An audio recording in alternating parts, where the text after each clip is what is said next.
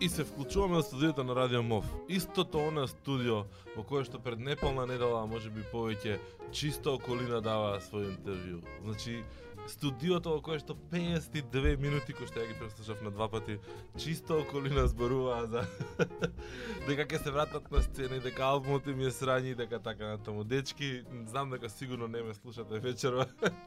мислам на мислам на Ицко и на компанија ама јас ќе откажам патување ако треба само за да останам за таксира тука и за да ве гледам вас затоа што одамна беше кога последен пат ве гледав на концерт. Толку за Радио Мов и за и за чиста околина. Ние имаме многу други работи, односно една голема друга работа за која што ќе зборуваме овој а, подкаст, односно овој комкаст. А, и денеска епизодата ќе биде малтане во, во знакот на многу сме јаки ама за да не изгледа дека ептен сме многу јаки, нели сами за себе да се зборуваме цело време, јас се викнав гостин. Се викнав гостин, со кој што го поминувам добар дел од времето изминативе 2-3 недели така интензивно, затоа што заедно подго... нели како дел од поголем тим, заедно подготву... го подготвуваме All Web. Си ја викнав Цаци, таа е онаа девојка што не беше нашминкана на видеото прво што ја натарав да го снимаме кога не беше воопшто спиена и подготвена, ама еве сега повторно не нашминкана во студиото на Радио Мов. Добро, добро вечер, Цаци, повели. Добро вечер, Дарко. Може не нашминкана, ама за тоа е расположена за муабет. Um, да, расположен за за каков муабет Цаци расположена? Може ја да бидам да ги поставувам прашањата, ти да ми одговараш? Кога ќе поставам прашање што треба ја да го одговорам, кажи ми тоа ќе ви одговори колегата Дарко. договорено, договорено, нема проблем.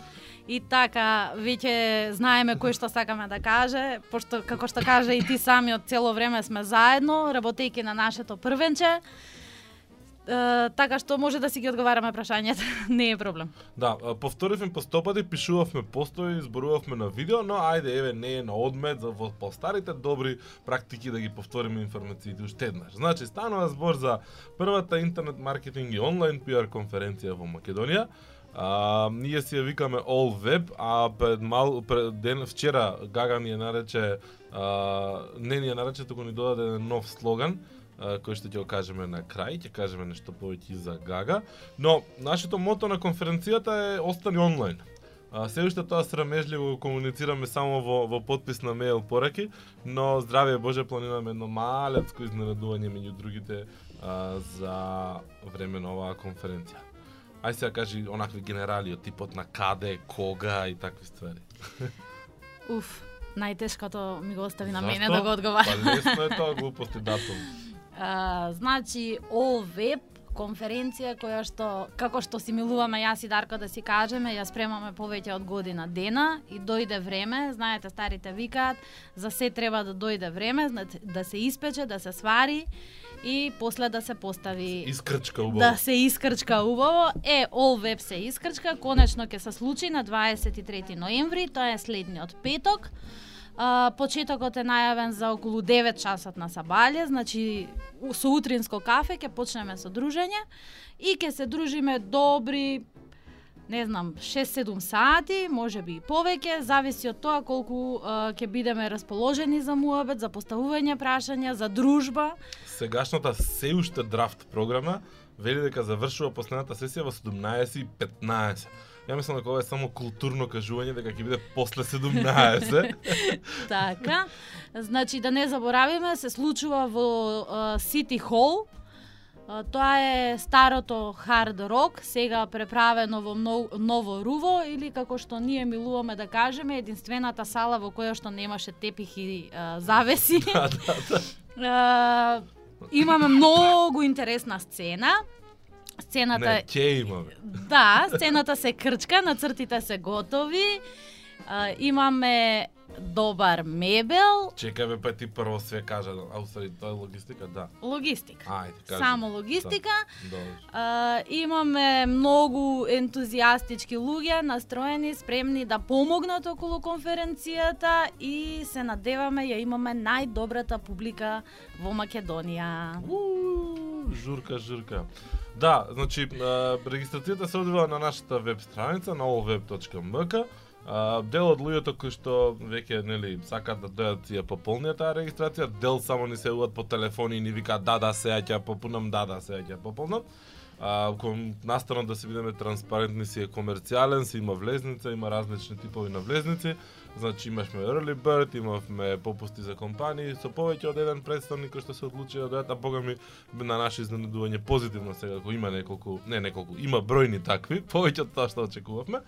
А, и секако има а, значи а, понуда за студенти кои што а, ни представува особено задоволство да ги вдомиме и да ги повикаме да бидат дел од да, како што ние сакаме да се тешиме дека влијаеме на развојот на пазарот, така да да бидат дел од развојот на пазарот. Она што вчера ме зачуди ептен, онака, стига мејл на на на мејлот на All кој што вели А, а добро сега, ова студентиве, студентската влезница важи ако не сме студенти, ако сме средношколци. Девојче некој беше, мислам не го познавам лично, а, меѓутоа така едно мило ми дојде на срце, па секам добро, ние превид сме направиле, не ни предпоставувавме дека некој што е средна школа да. би бил заинтересиран. А, кои се причините, кој што што се занимава тоа девојче, јас на вистина не знам. Меѓутоа ако постои прашањето и одговоривме и сега чекаме да дали дефинитивно ќе се одлучи да а, порасне за, за некој ден на кратко и да се да пријави како студент. студент, да.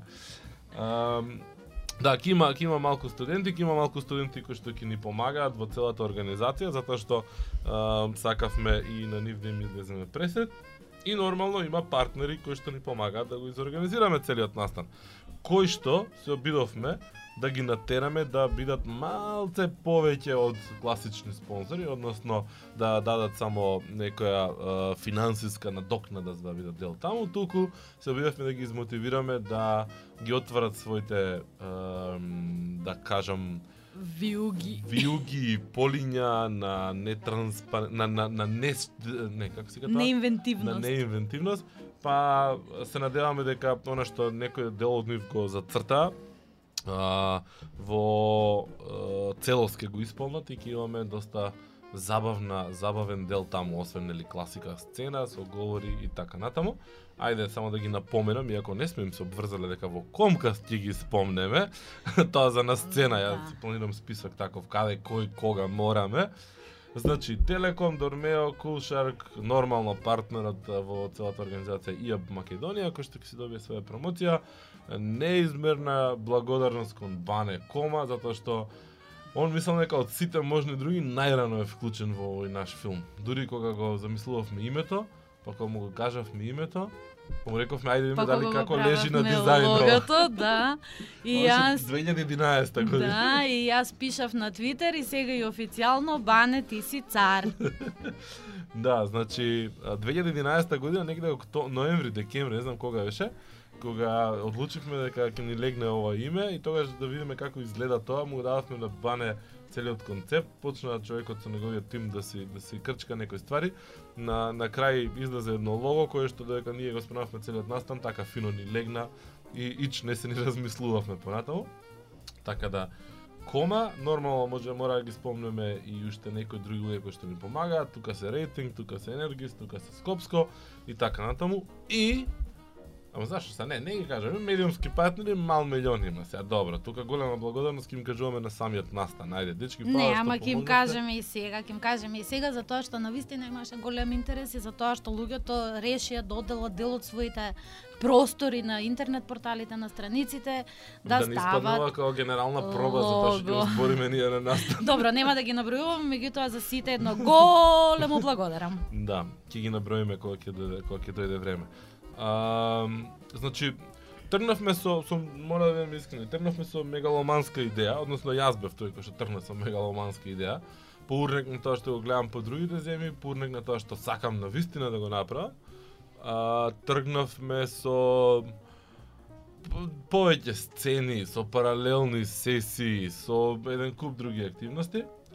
Првата пречка, а, а, легитимна, беше Знаеш спонзор. дека Добро, спонзорите, ама знаеш дека да најдевме добар простор кој што ќе одговори на нашите барања, може и ќе стуркавме, успеевме да, го да, направиме да. така како што го замисливме првиот пат. Да, за, ги замолуваме сите сите локации кои што издаваат деловен простор за организирање на настани да ги трнат теписите за да може да влезат нас во видикот за да може да организираме настан.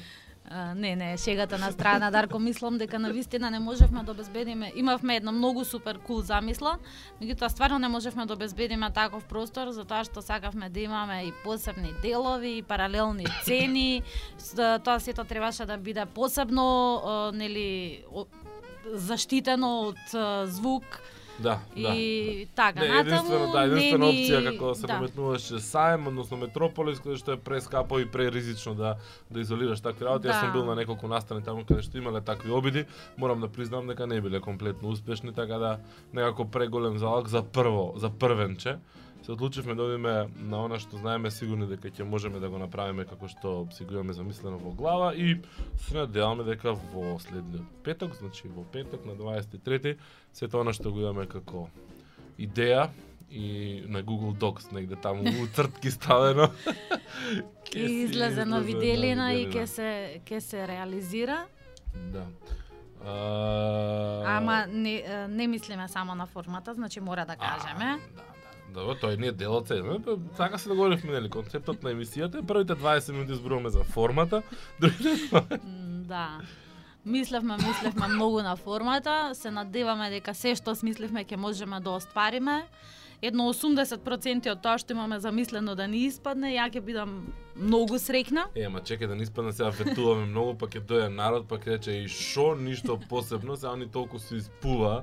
Ме свегаш, мислам као, да, не, дај да не идеме толку многу со, со, со такви ветувања, па што знаеш како постоа дури да го направиш тоа што треба, си викаше бе, дора, нели, као, уште ова требаше вака, онака, не орска. Е, кај сега Петар Шокаровски на бара на телефона, бе, дечко, не гледаш ли дека сум на подкаст, мислам, на шо личи ова сега, види. Мислам, че му помира неговата емисија минатиот пат и мисли дека без проблем може да се јавува кога е комкаст. Свеќа. Срамота. Зато ти збори сега почни да раскажеш за... За што да раскажеш? Ајде раскажуваш за е, говорници. Почни да раскажеш за програмата, за делоите, ја да му одговорам на Петар. Уф, програмата. Општо, за сесиите. Об, обшто за сесиите. Значи, покрај тоа што мислевме да биде нели повеќе денови, на повеќе локации да се одвива, мислевме да имаме и повеќе сесии, меѓутоа имајќи ги предвид финансиските аспекти, прос, просторните можности, човечките ресурси и така натаму и така натаму, решивме програмата да ја сведеме на еден ден и на три сесии. Во првата сесија во глобала ќе биде посветена на ИАП Европа и представување на ИАП Македонија.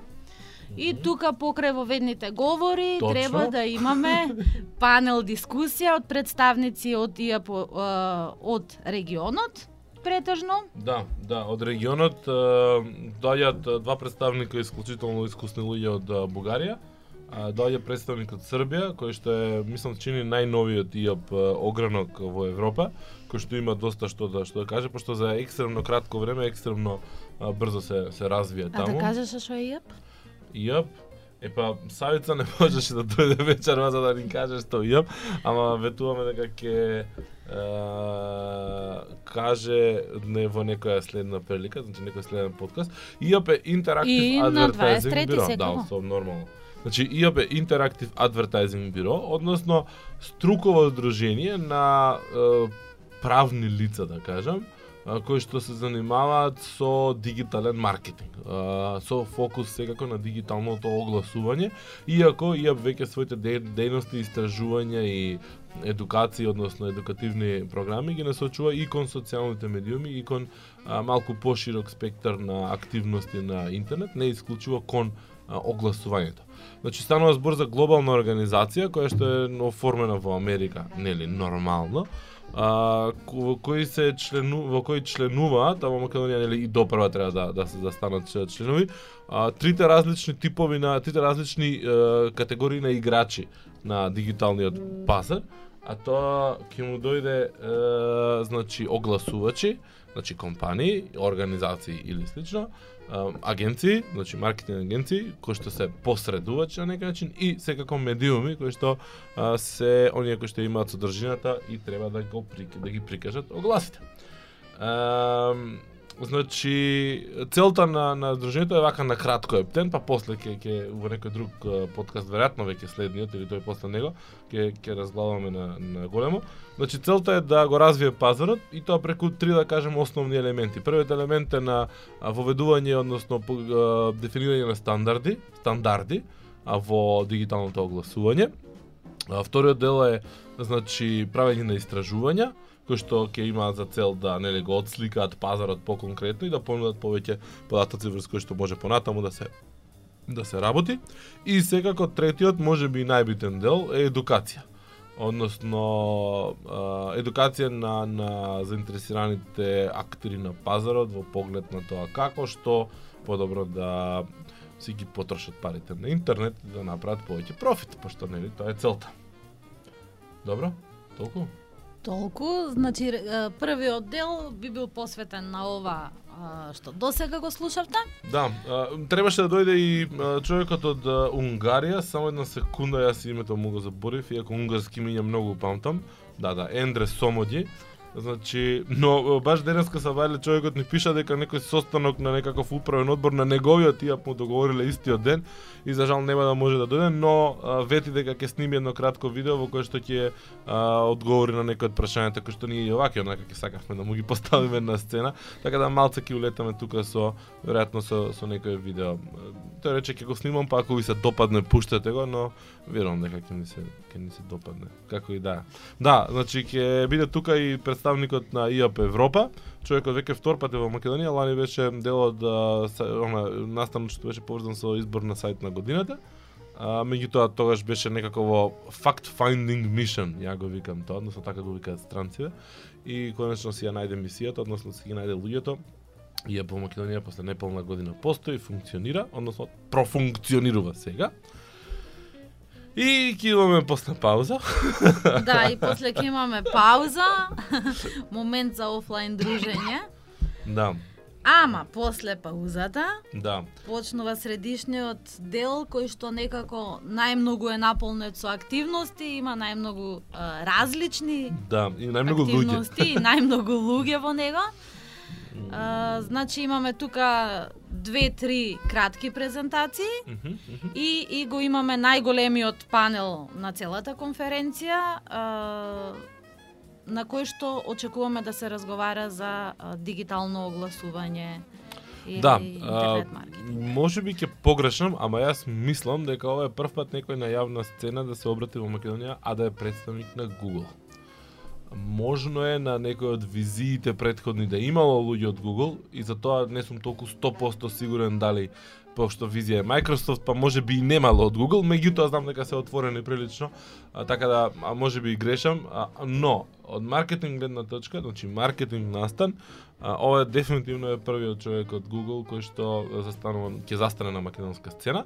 Станува збор за Ведран Баер, кој со кој што во разговор предвидени за тоа што како ќе зборува, се договоривме да не ги представува платформите на Google за огласување и слично, затоа што едноставно нема поента да сега се навлегува во такви детали, туку најави дека ќе зборува малку повеќе за состојбата на интернетот и генерално за тоа што Google прави како прави, што ние правиме на Google на интернет на неговите сервиси и така натаму.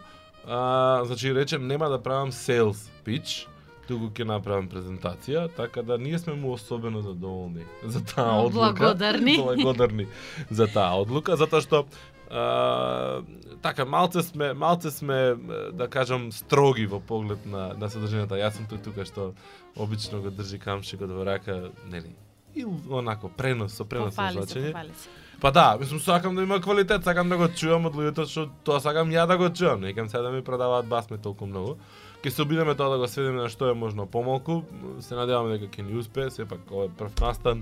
Треба да си го да си го изградиме, да си изградиме репутацијата и почитувањето и кај пред сегашните, но и кај идните говорници. Е, после Ведран, значи од Google, а, ќе ни зборува човек од а, Cool Shark, А, јас го имам наведено, значи го имам наведено Бариш како како човек пошто он е главен на мрежата на Cool Shark во, во Турција, но се што чекам официјална потврда дали тој или некој од неговите колеги ќе ќе ќе биде тој што ќе се качи на сцена. Тие дефинитивно ќе бидат тука а, и ќе ни раскажат малце повеќе околу видео огласување. Па после ќе ни зборува еден човек кој што А, мислам дека неколку пати има така да доаѓано во Македонија, изборувано, кој, кој што е представник, односно главен на една, можеби од првите пионерски, да кажам, а, компании, организации, агенции во Македонија, зборно збор за Тимотеј од HTT Pool. А, они имаат еден куп разно разни примери, по нели Rich Media, Mobile Advertise, mobile огласување на мобилни телефони и го натеравме да се сведе неговата презентација на што е можно повеќе студии на случај, помалце продавање на басми, условно речено. Се надам дека не ме слушаат сега говорниците толку многу. И дека нема да го преслу- преслушаат комкастот Не, подоцна. јас се всушност се надевам дека слушаат за да знаат што очекуваме од нив онака јавно и што публиката ќе очекува од нив, пошто претпоставуваме дека барем а, дел од луѓето што ќе дојдат следниот петок на All ќе го преслушаат комкастот и го слушаат нашиот комкаст, затоа што таа е таа нашата публика, ама не кажувај нешто. Но е, е жени, ја ќе раскажам. Ја да ја раскажам. Ајде раскажи, ајде раскажи. Значи, Ежение, Ежение најтазе докторот у држава на тема дигитален маркетинг, односно... Кој што јас имав можност да го запознам вчера. Да. А, значи, нашиот нов ценет доктор е една прекрасна господја, која што правеше анализа на тоа како се огласуваат некои од поголемиве компании во Македонија на интернет и мораше тоа истражување да го завитка во еден куп теорија, во еден куп матрици кои што јас стварно се збунив кога почна да ги објаснувам таму на докторската, факториели вакви, такви, онакви. Добро, сега, нели, со должна почит на, на, на струката, ја не ги разбрав сите ствари, но во теорија сватив до кај сме што сме и многу ми се свиѓа кога некои работи кои што Uh, нели се мислиме дека ги знаеме или она слободно ги толкуваме, ќе се докажат емпириски со истражувања дека се вака и така и онака. Е, е жени ќе биде таа која што uh, во петок ќе ни раскаже какви се ситуациите и што прават луѓето и што не прават луѓето и како реагираат или како не реагираат и да не воведе во нашиот најширок панел со најмногу луѓе на сцена, кој што е Со најмногу машки Со на најмногу сцена. И така, значи Што е така? нашиот Кажи па мажите, така, да не јас за мажите. И така, значи нашиот најголем панел е, ќе има свој домакин. Да. Домакин ќе му биде Предраг. Лично не го знам, меѓутоа ми кажаа дека бил е, многу е, искусен човек за на сцена и за зборување и за водење на панели. А, покрај него а, очекуваме да има човек од а, публицис, Не го очекуваме потврдено. Да, потврден е човекот Ненад. од публицист, Ненад. А, од а, Да, иначе Предраг доаѓа во моментов од како представник на, на Мекен. Мекен. Да, на да. Чисто А, да се знае. Чисто да се знае. А, Матијас од а, Телеком, од Македонски Телеком, како едни од поголемите огласувачи, нели? Мгм, мгм. А, И тука вршиме притисоци да бројки да се вадат да. И Игор. И а, Игор од а, Time МК ќе биде на сцена и Дарко од Кајгана. Да. Сите Морам- ги кажав, сите да, ги кажав. сите ги кажа. Можам, можам ја едно вака лично лично Ајде. исповедање, па што знам дека ќе ме слуша, па вака да му кажам. Искрено не мислев да го викам на сцена, затоа што знам дека пречесто и јас сум го викал на сцена, на сите настани, сум го препорачувал на сите настани кои што ме прашале, дека мислев добра, ај, нели, ајде не пак Игор. Меѓутоа, непосредно кога го дискутиравме овој панел, нели, заедно, што како, зашто, Игор ми се појави на чет и направивме некој муабет во кој што ми идеше онака да му кажам, ход дој поблиску се еден шамар да ти удрам, па што му викавме тоа пред една година да го направи.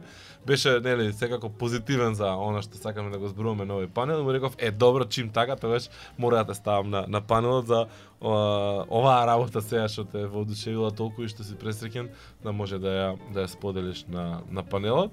Нормално станува збор за промена на типот на на на, на моделот на понуда за огласување на нивниот вебсайт и Дарко од Кајгана како луѓе кои што нели предничат во се одлучуваат први да кажам најхрабро да фаќаат некаков чекор напред со со тие некои развојни развојни моменти.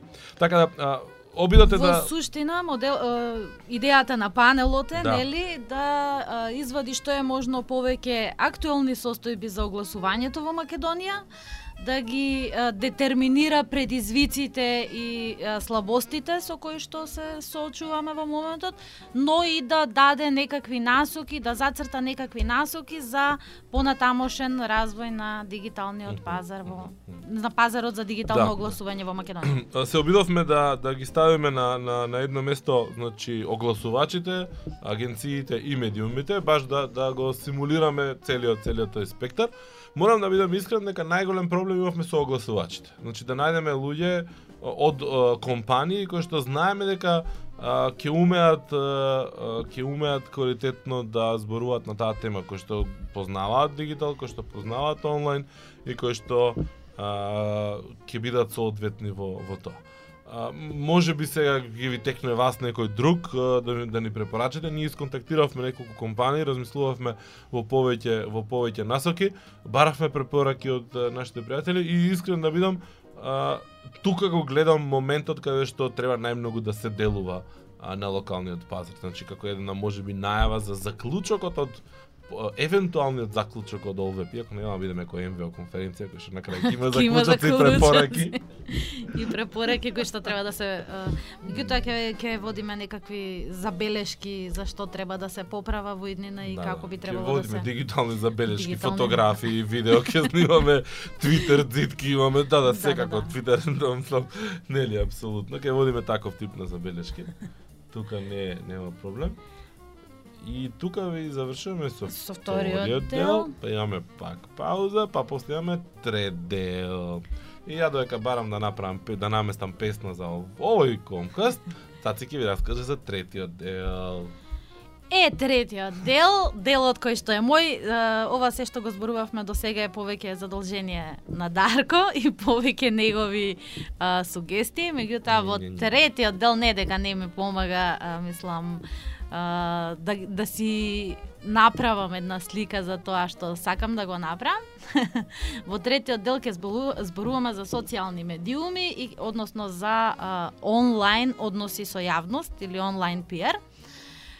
И а, тука го имаме и а, на мое огромно задоволство, ја имаме поточно, а, дамата која што прави растура, ако можам така да кажам, со а, онлайн пиар во регионов.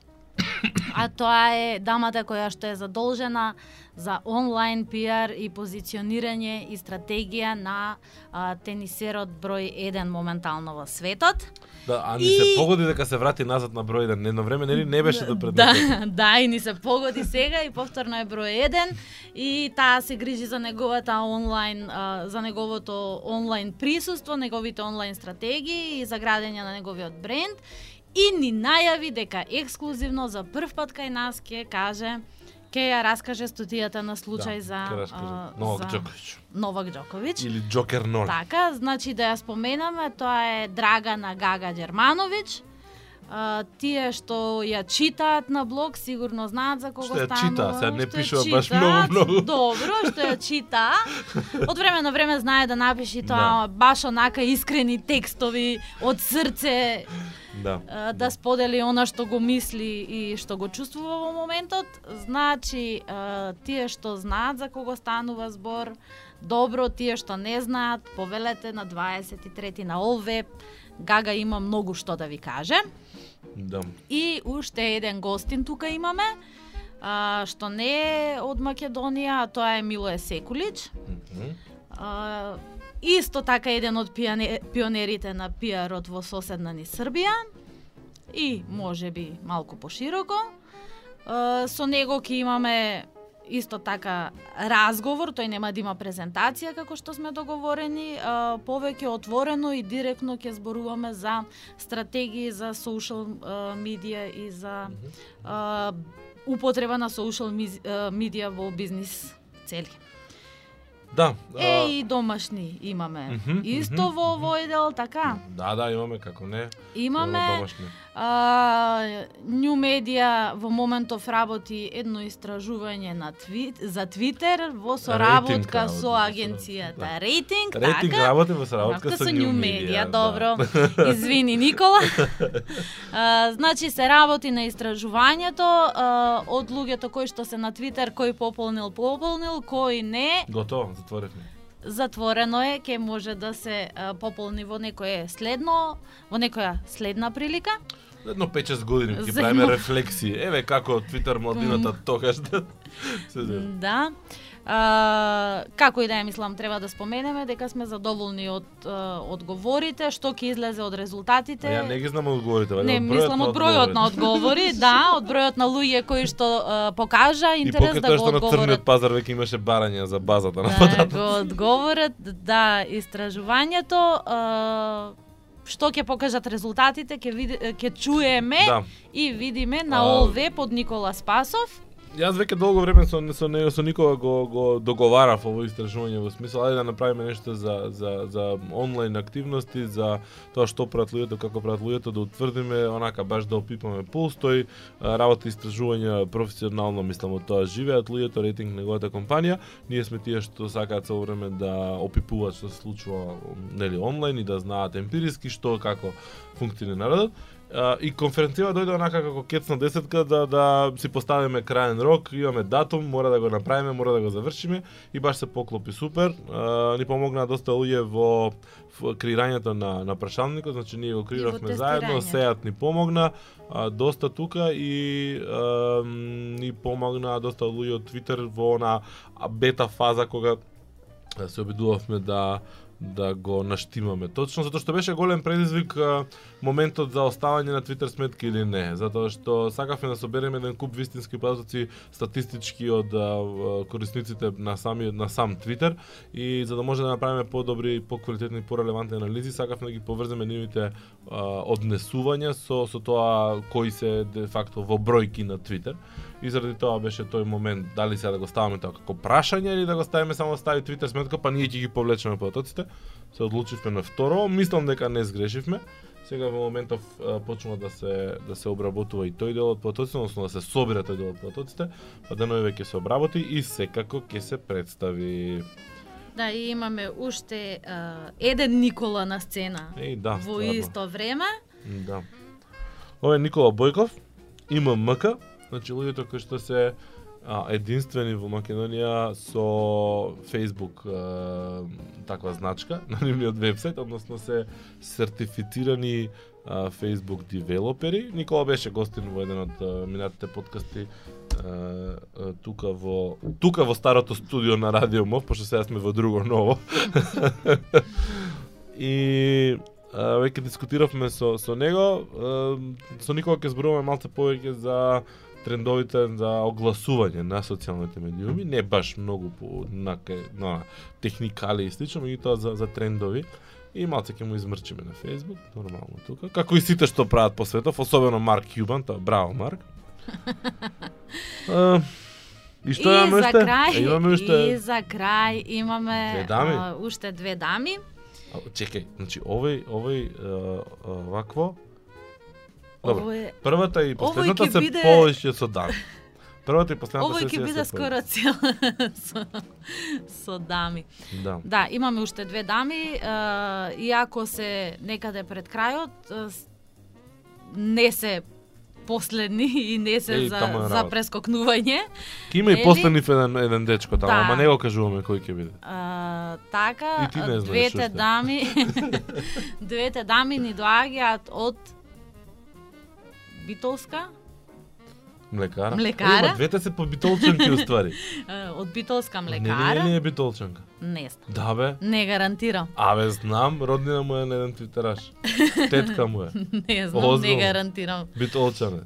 Не знам. Ако си тетка на битолчанец, значи дека си битолчанка или не? Не. Не. Демет. Може да, може не. Може да, може добро. не. Значи, Да, имаме а, Поликсена Поли од битолска млекара ќе дојде. да, и нај е, сладкото нешто на конференцијата, олала.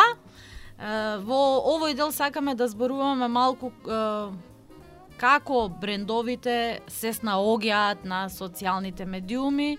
Кога зборуваме за брендови, мислиме на не толку големи и не толку профилирани е, од почеток и со креирани стратегии од надвор брендови, туку тука домашни брендови кои што се обидуваат да си го најдат Да. своето место преку социјалните медиуми. има има значи еден тип на реакции, можеби генерално е, е фино е да дадам некаков осврт на тоа како ја правевме програмата, затоа што А, луѓе знаеа да искоментираат во смисол на програмата дека еден ден па малку било, па не знам што, па многу локалци имало, па не знам што, меѓутоа а, што повеќе настане еден во Македонија кои сте се добро организирани, во последно време сваќам дека всушност најубавите работи, најинтересните работи ги дознаваш од локалните од локалните предприемачи затоа што милабитото ми е најблиску, затоа што најлесно можеш да стапиш во контакт, затоа што најлесно можеш да извлечеш поука од тоа и затоа што на крајот на криштата тоа е условно речено повредно затоа што знаеш дека и да ти го каже истото да што ќе го каже некој странец, знаеш дека поминало тука на нашиот пазар.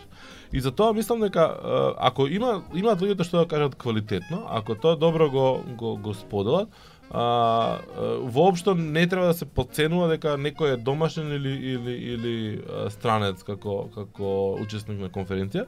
И токму затоа ние тргнавме со статистики, значи со бројки, чекаме уште потврда за уште една две презентации каде што ќе имаме бројки на сцена сигурно.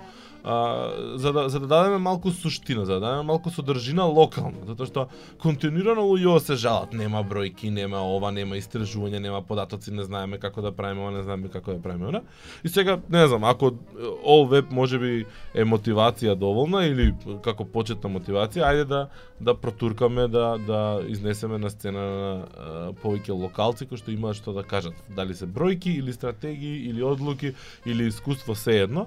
Но супер е кога излезе некој условно речено мал бренд или мал или реално мал бренд кој што нели започнал од нула и направил нешто или стигнал до некаде па да го ја чуеш неговата неговата прикана Посебно ако посебно ако целата стратегија за градење на брендот ја сконцентрирала исклучиво на социјални медиуми и на да, условно нели речено word of mouth. Да, да, да. Ако да, нема сега. други канали преку кои што ги пласира пораките, туку ги користи исклучи, исклучиво социјалните медиуми Е, за, да, за заради тоа, нешто. и- заради тоа смисливме панел на крај овде кај што ќе ги измешаме малце луѓе, ќе го води панелот Дамјан од Ар- Арсовски Дамјан од IT.com.мк а, или IT.mk, мислам дека го регистрира сега.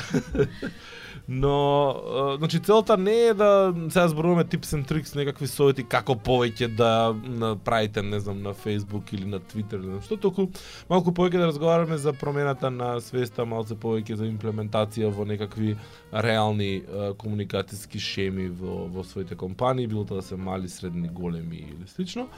А, тука ни е Милое кој што ќе ни даде да кажам некаков стабилен или да кажам искусен поглед на цела приказка затоа што во неколку наврати кога го имам слушано, кога имаме разговарано на еден куп настани низ низ регионов, мислам Мило е таков еден искулиран тип кој што некои работи што никогаш не, никаде нема да ги прочитате затоа што овие евангелисти не смеат да ги кажат. А, ќе седне и ќе ви ги каже и онака кога ќе се помислите ќе ќе да бе да стварно мислам ова е па баш тоа Па е реалноста. тоа? Тоа е реалноста, тоа е тоа што треба да го да го чуем. Знаеш што, Дарко, ќе се сетиш кога зборувавме уште на почетокот пред година и нешто за Добро? за конференцијата и кога се обидувавме да составиме некаков а, мозаик од тоа Да. што би сакале да имаме, а, ти споменав дека а, основното нешто што што ме радува е што луѓето сакаат да споделат. Зашто во последно време почувствував а, недостаток на желба да се сподели за знаењето, почувствував дека И луѓето покрај целата фама на интернет и споделување и шери. Да, меѓутоа, меѓутоа не го споделуваат знаењето и не споделуваат некакви а, насоки кои што понатаму би ти помогнале да се надоградиш на нив и да да изградиш нешто свое, па после ти да го споделиш на друг и така да се Јасно, да се размножува условно з- знаењето. И заради тоа сметам дека а, баш овие локалниве а, компании што смогнаа сили, најдоа храброст да да споделат што тоа ти е направиле и да дадат некакви насоки. Да се одлучат да дојдат и да споделат. Да. Биди коректна. Да се одлучат сме... да дојдат и да споделат, да. А, мислам дека а, тие ќе му дадат и онака шмек на, Да. на, на настанот. Да, особено е леко донесе нешто благо. Мислам, тоа шмек дефинитивно ќе ќе му дадат. не, Ели, не те силуваме, не те притискаме, значи нема врска ова све. Башки мора по хасап да, да бидеме све а, легитимни. Што мислиш колку време збориме, нели ти си каше леле како ќе истераме, што ќе истераме? Значи зборуваме 40 на 40 минути минути, да. и уште не сме пуштиле песна.